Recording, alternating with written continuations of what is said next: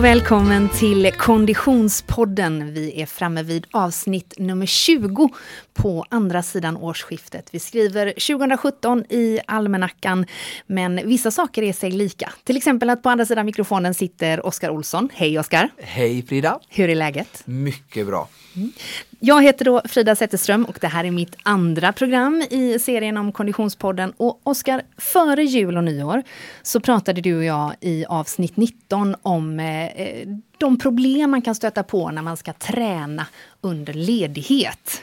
Precis. Och det där ledde oss osökt in på dagens ämne. Det som kanske är det viktigaste av allt när det kommer till all form av träning, nämligen motivation. Ja, det... den inre motivationen från individen skulle jag vilja trycka på och eh, prata om idag. Mm, det är den som du vill framhålla. Mm. Mm, härligt. Eh, vi ska nämna att vi har sponsorer i det här programmet. Det är O23 Konditionscenter. Kolla gärna in hemsidan på o23.se. Och eh, Konditionspodden är snart en del av det som kallas för GP Pep. Eh, GP Pep är Göteborgs-Postens hälsosatsning där man via en digital plattform kommer att kunna få inspiration och pepping. Och Konditionspodden kommer som sagt vara en del av detta. Ehm, vi återkommer till det i eh, kommande program. Men som sagt, motivation.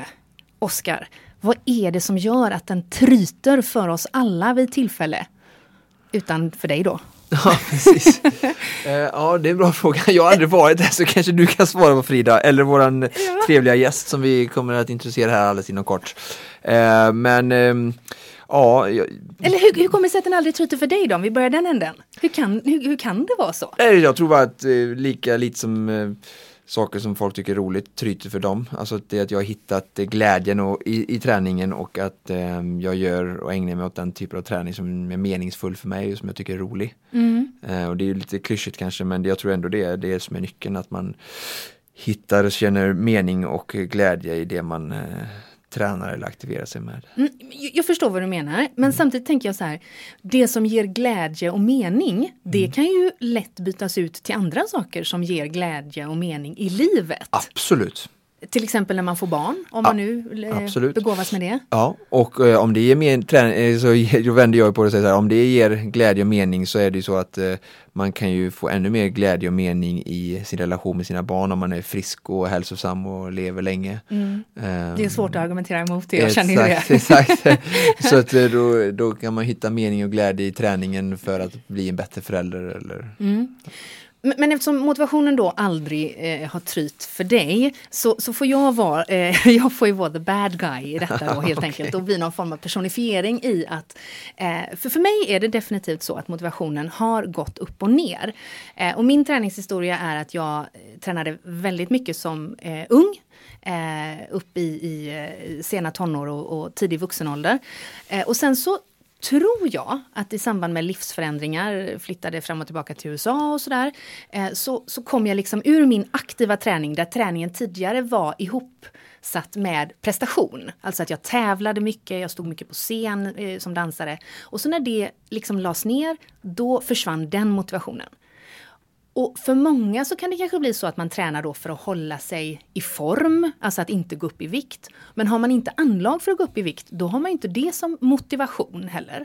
Så i mitt fall var det så att när jag nu i, eh, fyllde 40 och började känna att okej, okay, fast jag kanske går sönder om jag inte tränar. Då, då blev ju det en motivation då. Eh, eh, och att, att hålla mig frisk då helt enkelt. Eh, men men det, även om jag kan förstå att jag kommer att, att vara gladare och må bättre så kan det ändå vara svårt att prioritera tycker jag. Mm. Vad gör jag för fel?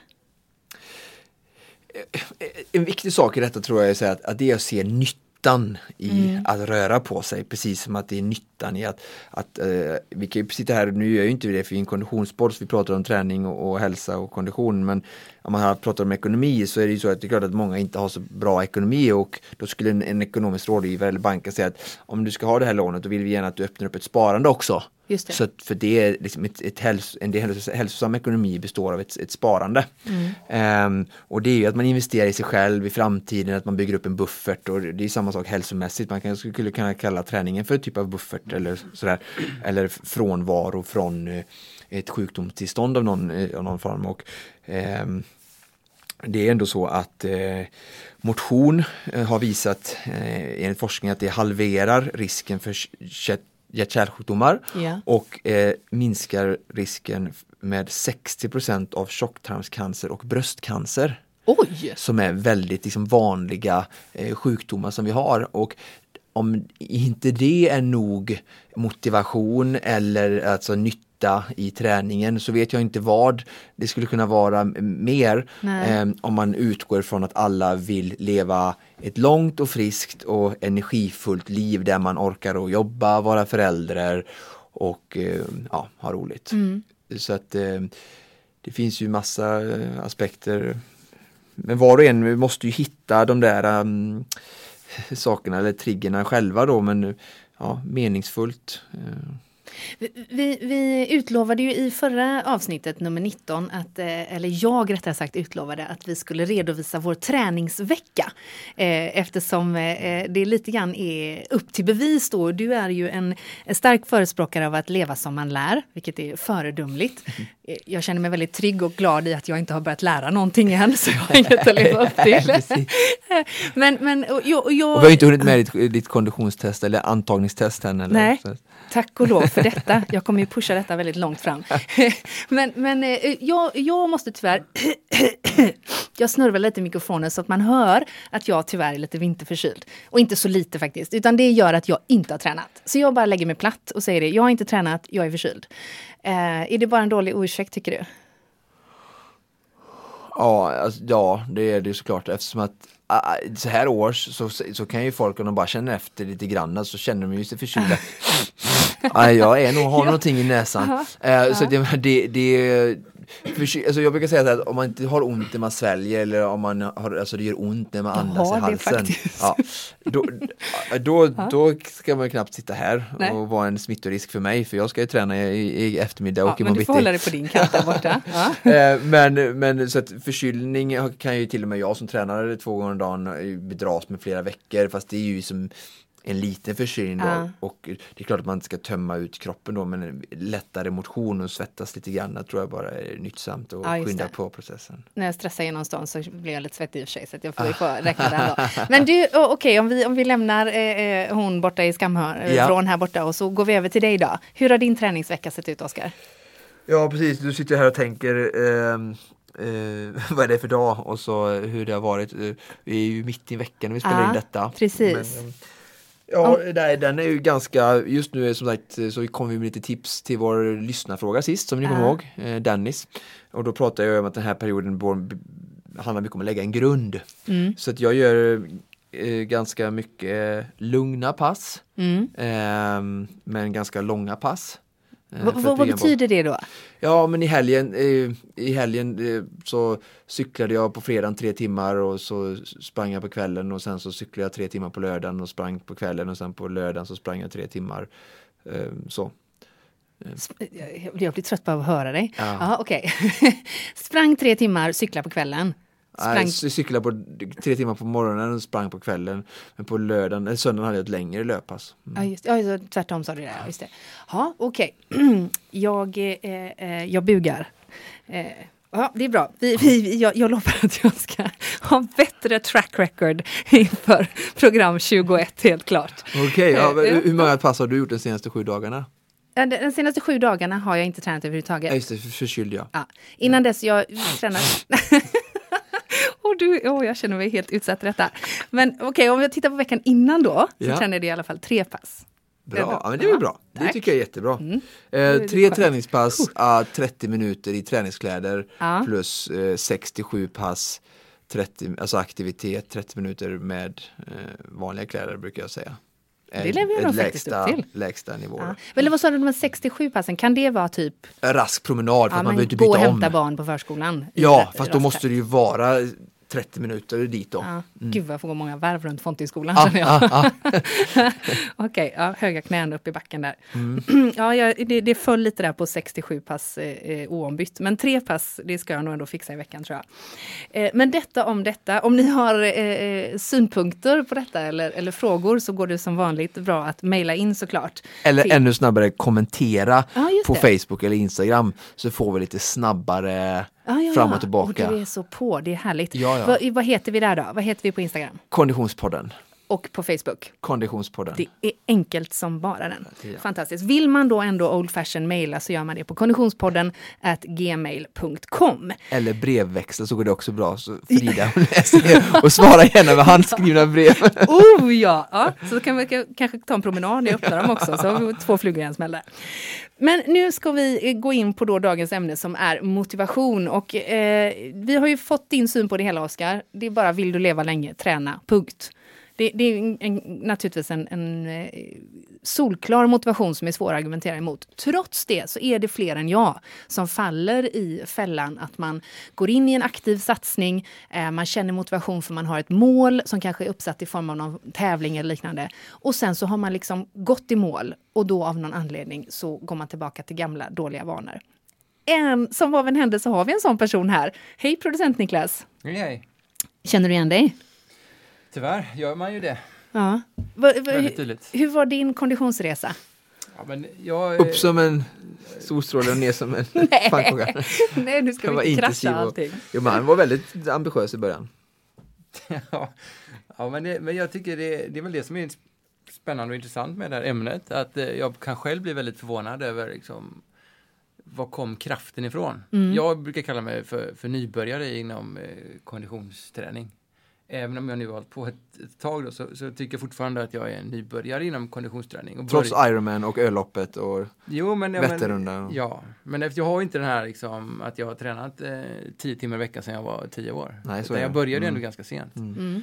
Men har gjort eh, två klassiker och eh, en Ironman och eh, lite, lite andra grejer. Så, och det är just nu efteråt när man tittar tillbaks på den tiden och Mm. tänker, var kom kraften ifrån? N- När är vi i tiden för lyssnarna? Ironman var ju 2014, Mm. så det är två år sedan nu då. Och, eh, Och, och vad kom inspiration och motivation till att ge dig in i det då? Kommer du ihåg det? Ja men det var ju nog det här att... Eh, Förlängning av en det- klassiker. Ja men lite precis och att det kändes väldigt ouppnåeligt. Det var liksom en sån här eh, grej som man tänkte att det gör man ju inte. Ingen begynnande 40-årskris alltså? Ja men det kan man nog eh, Kalla det för. Kalla det men Men det är så tänk, tänkte tråkigt. inte på det då men, men det kanske var det som det var. Mm. Och det kanske var det som var motivationen. Men, men trots det så kan jag idag titta tillbaks på den tiden och tänka hur, hur kom det sig att jag gick upp halv fem en lördag och söndag morgon och cyklade fyra timmar innan barnen och familjen vaknade. Mm. Eller när alla har gått lagt sig på söndag kväll gick ut och sprang två timmar. Eh, den känns helt omöjlig då. Men ha- kunde du då förnimma det som Oskar pratade om i början av, av avsnittet här, att det var för att leva längre? Nej, absolut inte. Nej. Nej, men då, Okej. då var det ju bara det här att eh, om man ska överleva en Ironman Mm. så måste man träna. Det var en tydlig målbild man ord. Ja, eh, om man ska klara det så måste man träna. Och ibland så är det nästan som att, det är inte, jag tycker inte det är på någonstans är sunt, men det är nästan som att när det är en sån här stor övermäktig, nästan stor prestation eller målsättning så är det nästan som att det som drev Niklas eh, undermedvetet kan ju också varit rädsla att om jag inte verkligen tränar skiten nu men nu på alla tider och luckor jag får så kommer jag inte ta mig runt. Nej. Och det vill jag inte när jag har anmält mig och bestämt mig. Det. Så det är nästan kanske också rädsla för prestationen i sig att, som, som drev en. Och det vill man ju inte heller kanske att det ska vara men ehm, Ja, rädsla för misslyckande också. Ja, precis.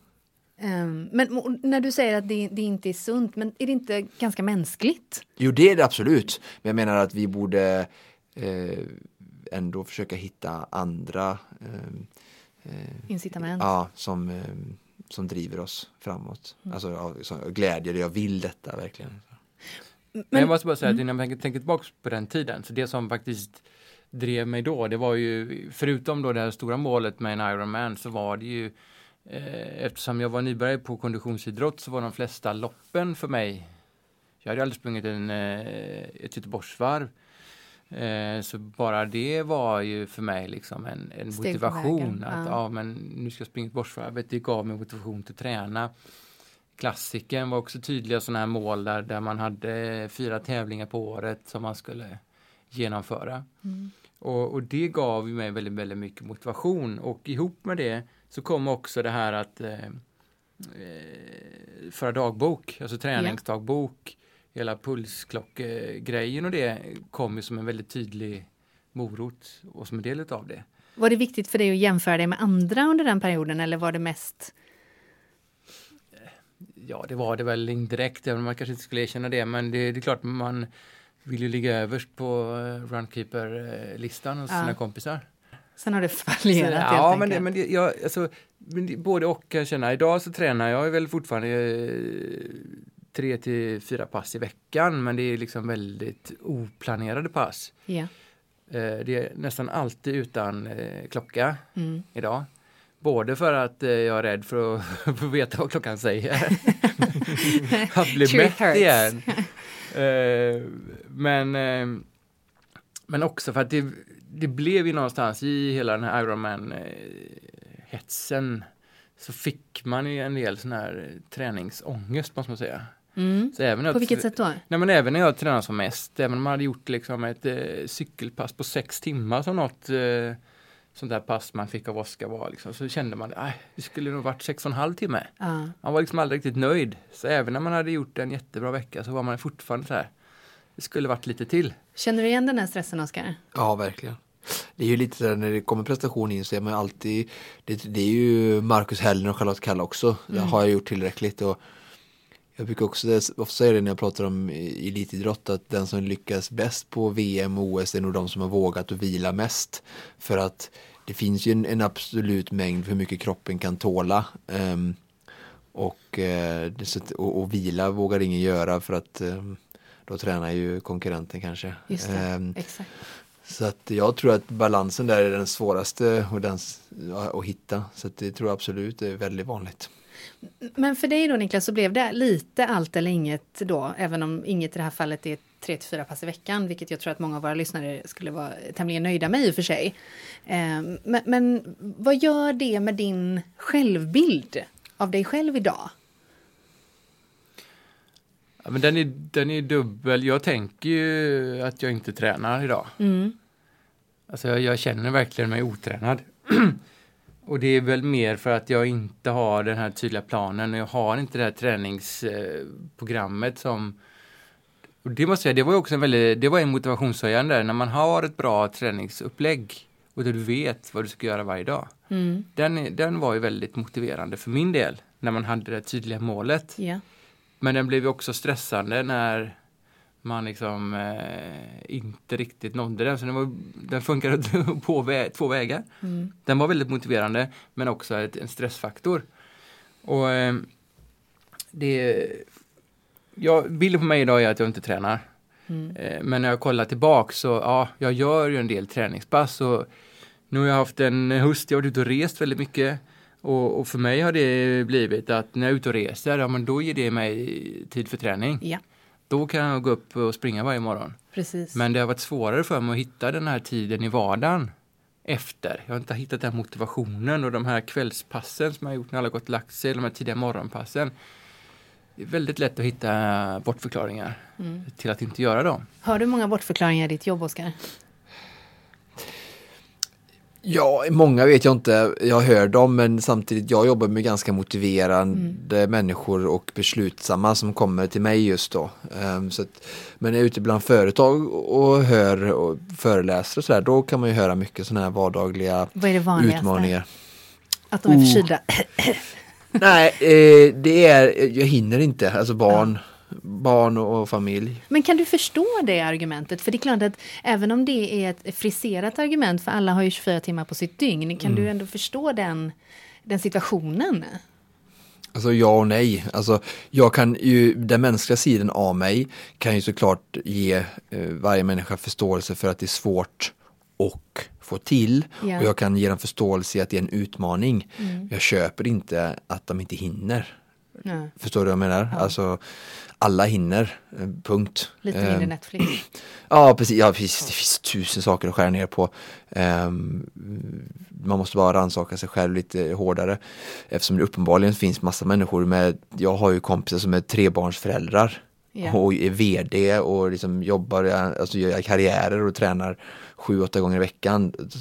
Det handlar bara om att vara extra driftig och kreativ och effektiv den tiden när du ja, när jag gör hemma så lagar mat eller uh, gör knäckebröd och samtidigt har någonting i tvätten och samtidigt går städar under tiden eller alltså det, när man väl mm. gör någonting så får man vara väldigt driven och effektiv. Då. Så, att, så att jag, jag, kan ge förståelse och att det är en utmaning och att det är tufft och ingenting är lätt och sådär. Men det är ju inte det att ta sig igenom en, en master på något universitet heller och sådär. Så att, uh, jag ser ingen skillnad. Alltså, livet är fullt av utmaningar och vi får bara hitta lösningar och vara starka och ta oss igenom. Mm. Det, det, där håller jag med om, för jag kan inte säga nu efteråt att oj vad mycket tid jag har.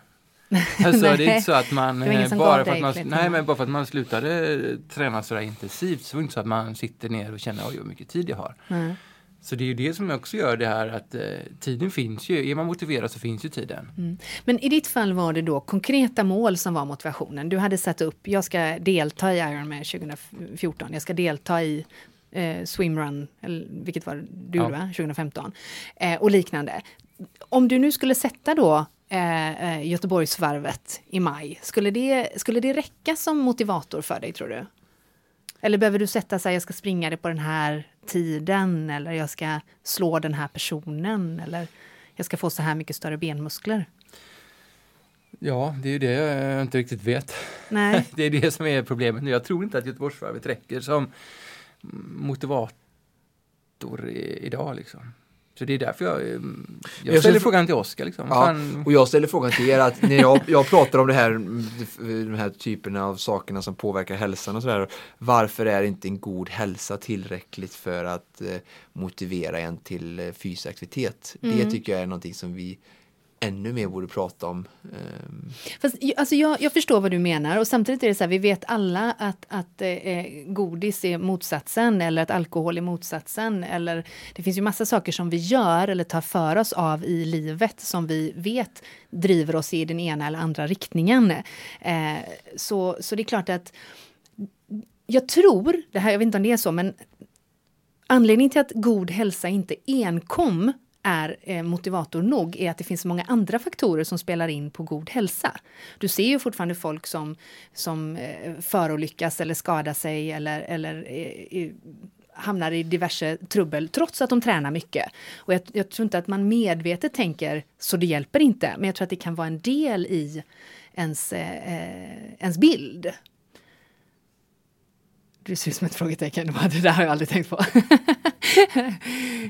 Nej, men jag, jag, jag, tror ändå, för det är klart att när du säger så, det är ju självklart. Och det verkar ju helt idiotiskt att vi inte alla eh, eh, cyklar tre timmar på morgonen och springer på kvällen. Ja, men på samma sätt som vi tar på oss bälte på våra barn, vi åker bil eller mm. som att vi har för hemförsäkring eller att vi har sjukvårdsförsäkring eller att vi, ja, alltså man, man gör saker för att minska risken för att hamna i trubbel. Mm, mm. Man har för, livförsäkring, man försäkring på sitt huslån, alltså mm. vi har ju massor av sådana saker för att skydda oss mm. och att träna tre gånger i veckan för att inte få tjocktarmscancer eller bröstcancer det vi har, sen är det ingen garanti. Självklart är det ingen garanti för någonting här i livet men det minskar ju risken och kanske man kan leva lite lugnare och slippa liksom med livet på strupen för det känns som folk spelar med sin egen hälsa som insats i alldeles för många fall. Mm. Eh, och det har jag svårt att förstå, speciellt när vi har ett sånt upplyst samhälle och en sån media som ändå bevakar hälsa eh, mer och mer idag. Eh, så tycker jag ändå att utvecklingen är intressant. Mm. För, för min är det, är det alldeles för abstrakt. Liksom. Mm. Det är klart man mår bra och det fanns mm. många effekter med att, att träna som man idag saknar. Alltså när man var höll, hade en högre nivå på, på, sin, på sin träning så kom det ju massa positiva saker med det som man idag saknar. Men det, för mig har det fortfarande inte blivit det här, eh, jag, jag har inte hittat tillbaks till det drivet som fanns. Ja, jag bara säga en grej som, som funkade ganska bra för mig under den här tiden. Det var att jag fick aldrig använda samma bortförklaring eller ursäkt för, dig själv? för mig själv. Nej. Mer än en gång. Ah, och det gjorde det. det att... Och kreativ du måste ha blivit på slutet. Bra, det gillar jag. Sånt gillar jag. I slutet så var det ganska svårt. Ah. Att hitta nya liksom. För om du då inte skulle Om jag inte skulle göra det här passet som var, som var tänkt liksom. Jag hinner inte för jag har använt en gång. Jag tänker så, många så som... Oj vad vi skulle börja springa. Ja men det är bra. För mig var det det här med självbild som jag sa förut. Att jag, eh, jag hade träningsuppehåll Eh, nu kommer du svimma här på stolen Oskar, men i flera år eh, från aktiv träning. Eh, och det i sig. Hade du inga träningskläder på dig och det svettades inte sådär mycket på flera år? Jo, det gjorde jag naturligtvis. Självklart. Alltså jag lever ett tämligen aktivt liv, så det gjorde jag. Men eh, inte, jag hade liksom inte, jag hade ingen regelbundenhet i det. Nej, nej, nej. Eh, jag prioriterade det inte. Eh, och, och jag, också, också anledningen till att jag faktiskt hade träningskläder på mig och svettades ordentligt ett par gånger i diverse liksom, roliga sammanhang. Eh, som sagt, jag är gammal dansare och hade lite sådana pass och sådär. Det gjorde också att jag levde länge på den tanken att jag har ju det ändå i mig. Så det blev tyvärr ett, liksom, ett argument som gjorde att jag inte tog tag i det. Men det som knäckte mig, slash tog mig tillbaka till någon form av träning, var att jag insåg att min självbild hade börjat bli, jag är en sån som inte tränar. Och när den landade hos mig, att jag är en sån som faktiskt inte tränar, det, det, det kunde jag bara inte leva med. För att jag har i, i, hela mitt liv innan dess då varit en sån som tränat mycket och hade femma i gymnastik och allt det där som man kanske har med sig om man har tränat mycket. Och när den självbilden började landa hos mig att jag var en sån person som inte tränade, då fick jag fullständig panik. Och då började jag träna igen. Långt, långt, långt, långt, långt, långt, långt ifrån både Ironman och eh, eh den nivå ni pratar om. Men på en nivå som ändå kanske då ligger kring tre pass i veckan. Um, så jag behövde gå till den väldigt ytliga faktorn av självbild. Men den, kan vara djup också. Jo, fast det, För är det inte var din, att... syn och, din egen syn av dig själv. Ja, men precis. Men den, den hade inte så mycket med att jag ville leva längre att göra.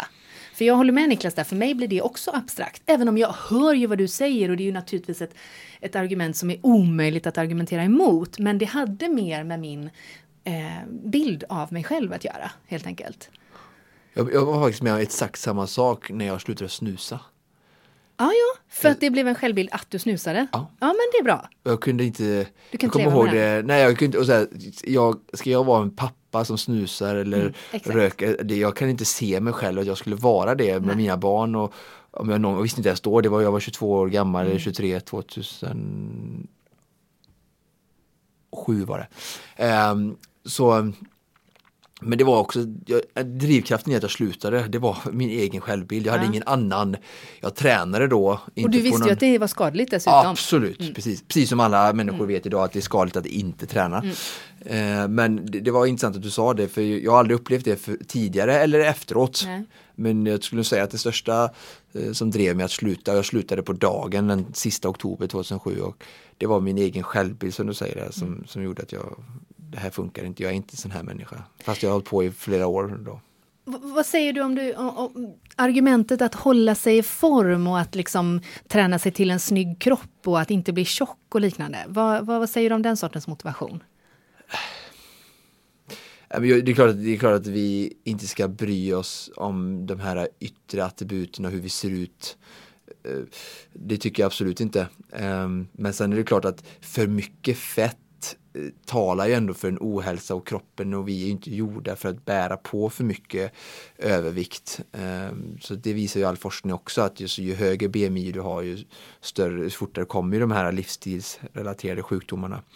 Eh, Men det får inte vara det som är drivkraften. Jag tror, Nej. att, jag tror att den typen av motivation finns jättemycket. Och, ehm, jag har ju nu i och med mitt företagande och sådär tvingats in i sociala medier och sådär och då går det ju ofrånkomligen inte att liksom lägga till märke eller lägga märke till alla de här små, eh, så här, unga människor och, och eh, nya grejer som poppar upp på Instagram och där folk har väldigt mycket bilder på sig själva och eh, det här är mycket utseendefixering.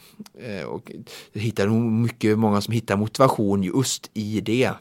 Och jag tror att det blir en, eh, tyvärr eh, kan bli en förljugen och lite eh, felvriden bild och motivation. Alltså att man gör det av andra saker än för att man verkligen vill själv. Mm.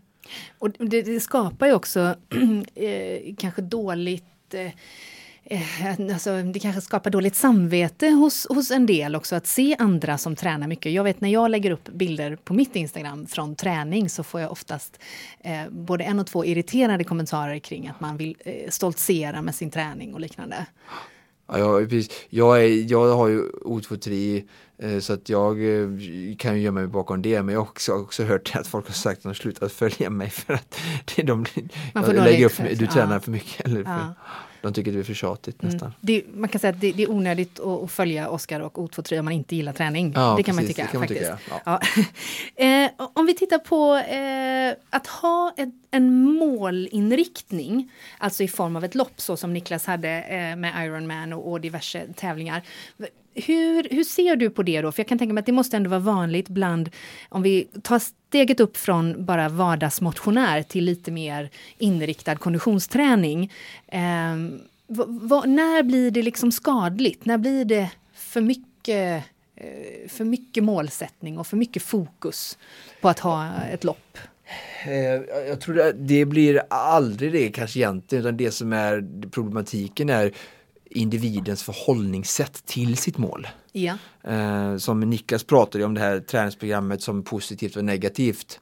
Och då tänkte jag att, eh, på det att alltså, träningsprogrammet är ju i tanken ska vara ett oskyldigt eh, och en bra eh, genomtänkt eh, planering för honom.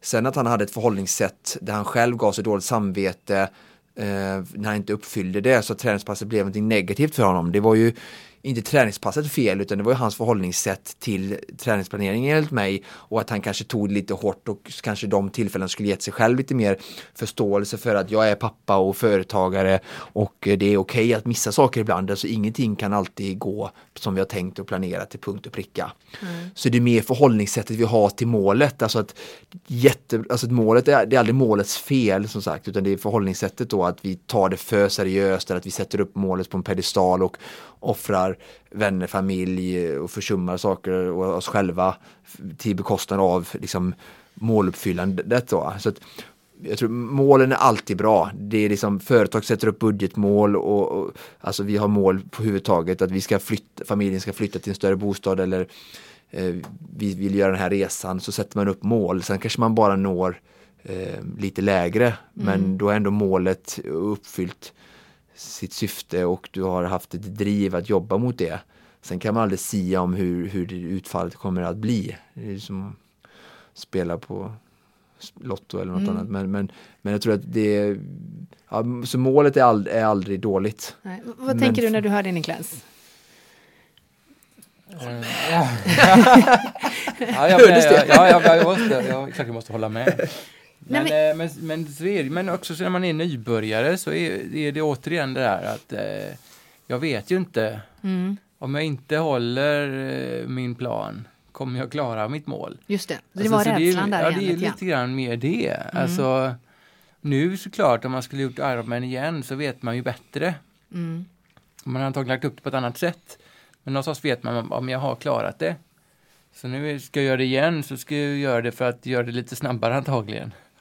Så då behöver jag träna ännu mer. Mm, mm. Eh, men, eh, ja, men jag skulle nog vilja säga så, ja, för mig var målen viktiga. Uh. För mig var målen jätteviktiga för att hitta motivationen. Och, det, och de har ju flyttats hela vägen. För jag skulle precis säga det, du sa ju alldeles nyss då att Göteborgsvarvet skulle antagligen inte räcka som motivator för dig. Och det innebär ju att du har flyttat dina steg. Då det är tufft om man börjar med Ironman. Ja, men det finns massa eh, jobbiga tävlingar kvar. ja, så det, okay. det, ja. det, är jag inte orolig för. Att, eh, att det finns fler, om det just nu är tävlingen som, som är det som motiverar en. Ja. Men för mig är det det. Ja, för... Och det finns ju många tävlingar som jag skulle kunna tänka mig att göra igen och som skulle motivera med, eh, med motivationen att försöka göra det lite snabbare då. Mm, mm. I ditt fall tror jag verkligen det och jag tror att det i många fall att det är jättebra att sätta upp mål och anmäla sig till tävlingar och sånt där men eh, det, det är ännu viktigare att göra det av rätt anledning för att man verkligen vill. Så. Eh, men sen om man bara känner så att det här är verkligen det jag vill. Du till exempel kanske vill köra någon swimrun-tävling eller triathlon det är verkligen genomtänkt. Ja. Men om det bara är det, då tror jag verkligen att det är rätt väg att gå, att det är jättebra. Sen tror jag att, här, att, folk kan vara lite rädda att sätta små mål. Mm. För att det är, som, det är så mycket nu eh, med Facebook och andra saker där folk försöker bräcka varandra att det, det räcker inte. Alltså, man, jag tror att det är så himla viktigt att vi slutar att jämföra oss. Eh, för att jag tävlar ibland mot människor som har ännu bättre förutsättningar än mig när det gäller att träna och, och jobba. Ja, precis, eh, eh, som satsar och jag kan in, det är väldigt lätt för mig att, att men jag som har sån höga målsättningar att, att jämföra mig med dem. Mm. Men det är jätteviktigt att man försöker fokusera på sig själv och sin träning och sina förutsättningar. Och Om vi ska ta det till den nivån då, att vi försöker bryta ner eh, det i delmål. Hur skulle delmål kunna se ut? Om vi tar, vi tar Niklas som exempel. Eh, det vill säga... Ja, s- Jättebra. Och jag har föreläst mycket om detta ute och brukar alltid i, när man pratar om, som i våra lyssnare och folk som verkligen är om vi säger de lyssnarna som är em, på väg att eh, försöka hitta tillbaka då som, som Niklas då. Så är, brukar jag säga att då är det att hitta ett veckoschema Ja. och första målet är att få kontinuitet. Okej, hitta ett veckoschema. Rent praktiskt, hur gör man det? Var ligger det någonstans? Ja precis, ja, ja, precis. Det, först så är om man gör det själv utan någon professionell hjälp så får man ju höfta såklart vad man tror är bäst. Ja. Och, och, och sen men som sagt man har ju ett mål och eh, om vi tar eh, eh, swimrun för Niklas bara som ett exempel. ehm, så får han ju tänka då, "Ja, vad har jag för mål? Och så om man inte tar hjälp så får han kanske gissa sig fram att ja, men jag kanske behöver, rimligt behöver jag göra två simpass och två löppass. Och hinner jag med det? I veckan pratar du om nu. veckan, ja. Ja. Hinner jag med det? Ja. Så bokar han in två simpassdagar och två löpdagar eh, efter att ha samrått med sin familj och sin arbetsgivare höll jag på att säga. Men, men liksom kollat rimligheterna så att Mm. Just inte det. väljer tider som inte det kommer att bli av med. Om man, om man inte frågar dem man lever med så är det ju svårt att, eh, då är det lätt att man kommer fram och säger jag ska ut träna nu, alltså det, ska det går inte, du ska ju hänga Jaga tvätt. Ja. Ja. Men okej, så där är, där är en av eh, eh, hållpunkterna då helt enkelt, att man bestämmer dagar och man Ja. bestämmer liksom tider. Precis, för att få kontinuitet och det första målet är ju att få kontinuitet. Alltså Mm. släpp tider, klocka, intervaller. För om du inte ens klarar att genomföra passen så spelar det ingen roll om du har träningsschema eller eh, målsättningar på tid, eh, pulser, farter utan det viktigaste är att hitta kontinuiteten. Så det blir ju mål ett. Mm. Att sätta, steg ett, sätta tider och, och för själva träningen. Och För att nå datum. kontinuitet. Ja. Antecknar du nu Niklas eller? Ja. Okej, men då är vi inne på det då. Det, det har vi bestämt oss för att göra. När går man in på då att tänka så här, ja men då ska jag träna enligt det här pulszonsschemat och liknande. Vad, hur, när är man redo för det tror du? Ja, det är såklart det är svårt att säga och det är ju väldigt individuellt. Men, eh, nej, men när man har tränat kanske fyra, fem, sex veckor åtminstone Mm. så att man har fått komma in i rutinerna eh, kravlöst och tycker att det är roligt. Ja. Känner man i det skedet att det här är ganska tråkigt och jag får kämpa varje gång för, för att hålla kontinuiteten då, det är klart att det är inte, jag tycker inte heller alltid det är roligt att, att sticka ut och träna. Eh, utan jag kan också möta på eh, ut, alltså motstånd ibland men jag gör ju ändå det. Eh, men eh, så när man känner att det går, det känns bra att jag kan, jag kan hålla kontinuiteten eh, och jag tycker att det är roligt eh, inför varje pass, eller inte varje men för majoriteten av passerna. Då kanske det är läge att vrida upp träningen lite då och att sätta vissa eh, prestationsmål just under träningen då att jag ska orka en viss tid kanske. Ja, Jag ska köra 60 minuter eller 50 minuter eller, och jag kanske ska köra lite intervaller eller jag kanske ska göra någonting då som, som gör att det blir att jag blir bättre eller starkare helt enkelt. Då. Hur ser du på att eh, typ köpa nya träningskläder och investera i en ny pulsklocka och liknande Ja. för att höja sin egen motivation? Mm. Det är bra, vi hade ju ett eh, avsnitt om det och nej, men jag tycker det är jättebra. Ehm, Avsnitt två tror jag det var för övrigt, för Ja. den som vill lyssna tillbaka. Eh, det tror jag är jättebra, alltså utrustning, vare sig man ska kitesurfa eller om man ska eh, göra något annat eller baka eller laga mat hemma i Mm. köket så det är ju jättebra och roligare om man har riktig utrustning en riktigt Jättesvårt fin att kitesurfa utan utrustning. Ja exakt, ja, men om du har uh, riktiga, de här våtdräktsutrustningen. Ja, ja, exakt. Ja. Men om har du jättefin eh, stekpanna och fina knivar så är det jättemycket roligare att laga mat tycker jag som Mm. gillar att vara i köket. Så att, så att, eh, bra utrustning eh, tror jag alltid nästan uteslutande förhöjer upplevelsen av aktiviteten. Mm. Så det, sen får det alltid tycker jag stå i paritet med eh, sin ekonomiska situation, eh, sin målsättning och eh, sin som utnyttjandegrad. Ja, just det. Där inser jag just när jag sitter och tänker tillbaka på hur jag själv ser på det här med träningskläder. Där kan det gå åt andra hållet också. För att när jag, jag jobbar ju då med kläder och mode när jag inte pratar konditionspodd. Och jag är aldrig så ofixad, och det här är verkligen sant, som på gymmet. Och det där hänger ihop med att när jag var väldigt aktiv så låg ju allt fokus på själva träningen. Och när man kom in på gymmet och såg de här som hade väldigt fräsiga träningskläder på sig, då tyckte jag att det tydde mer på att man har lagt kraften på det än på träning. Så att ofta så kan det få nästan andra, åt andra hållet, att man, ju, ju sjavigare man såg ut, desto mer var man bara fokuserad på sin träning. Eh, lite grann som när man ser dem med Splirrans nya skidställ i pisten eller eh, helt ur, ur plastpåsen sjöställ eh, på kajen i Marstrand. Kanske inte alltid de som kan segla bäst, kan det ju vara så. Så det kan ju få motsatt effekt också, eh, omedvetet kanske. Ja, eh, precis. Eh, ja, eh så kanske det kan vara. ja, precis. Men eh, vad det gäller då de tekniska hjälpmedlen, det här har vi ju då som sagt ägnat ett helt program åt eh, avsnitt två ja. med pulsklockor och sådär. Men om man bara lite snabbt recapar det, om, om man inte jobbar med tekniska hjälpmedel idag, men man har lagt sin veckoplan som du nu då Niklas kommer att börja göra här omgående. Precis, eh, och bokat in eh, datum och, och, och, eh, och, tid och sådär. Vad är då ändå, vad ska man ändå investera i då tycker du? vad, vad, är det för, eh, vad pratar vi Konditions, om? För? Konditionsträning och man har satt sitt mål. Eh, och man kanske känner att man behöver någon form av hjälpmedel. Eh, gäller det löpning i Niklas fall då eller det, Jag tycker ju alltid att såklart alltså inspiration och kunskap är ju alltid det som är det viktigaste egentligen. Mm. Alltså det kan ju vara att gå med i en klubb eller något sånt där. Ehm, eller vara köpa ett gymkort eller för att kunna gå på sådana här pass som du sa eller hamna i den här um, Eh, statistiken med januari med Frisk och Svettis.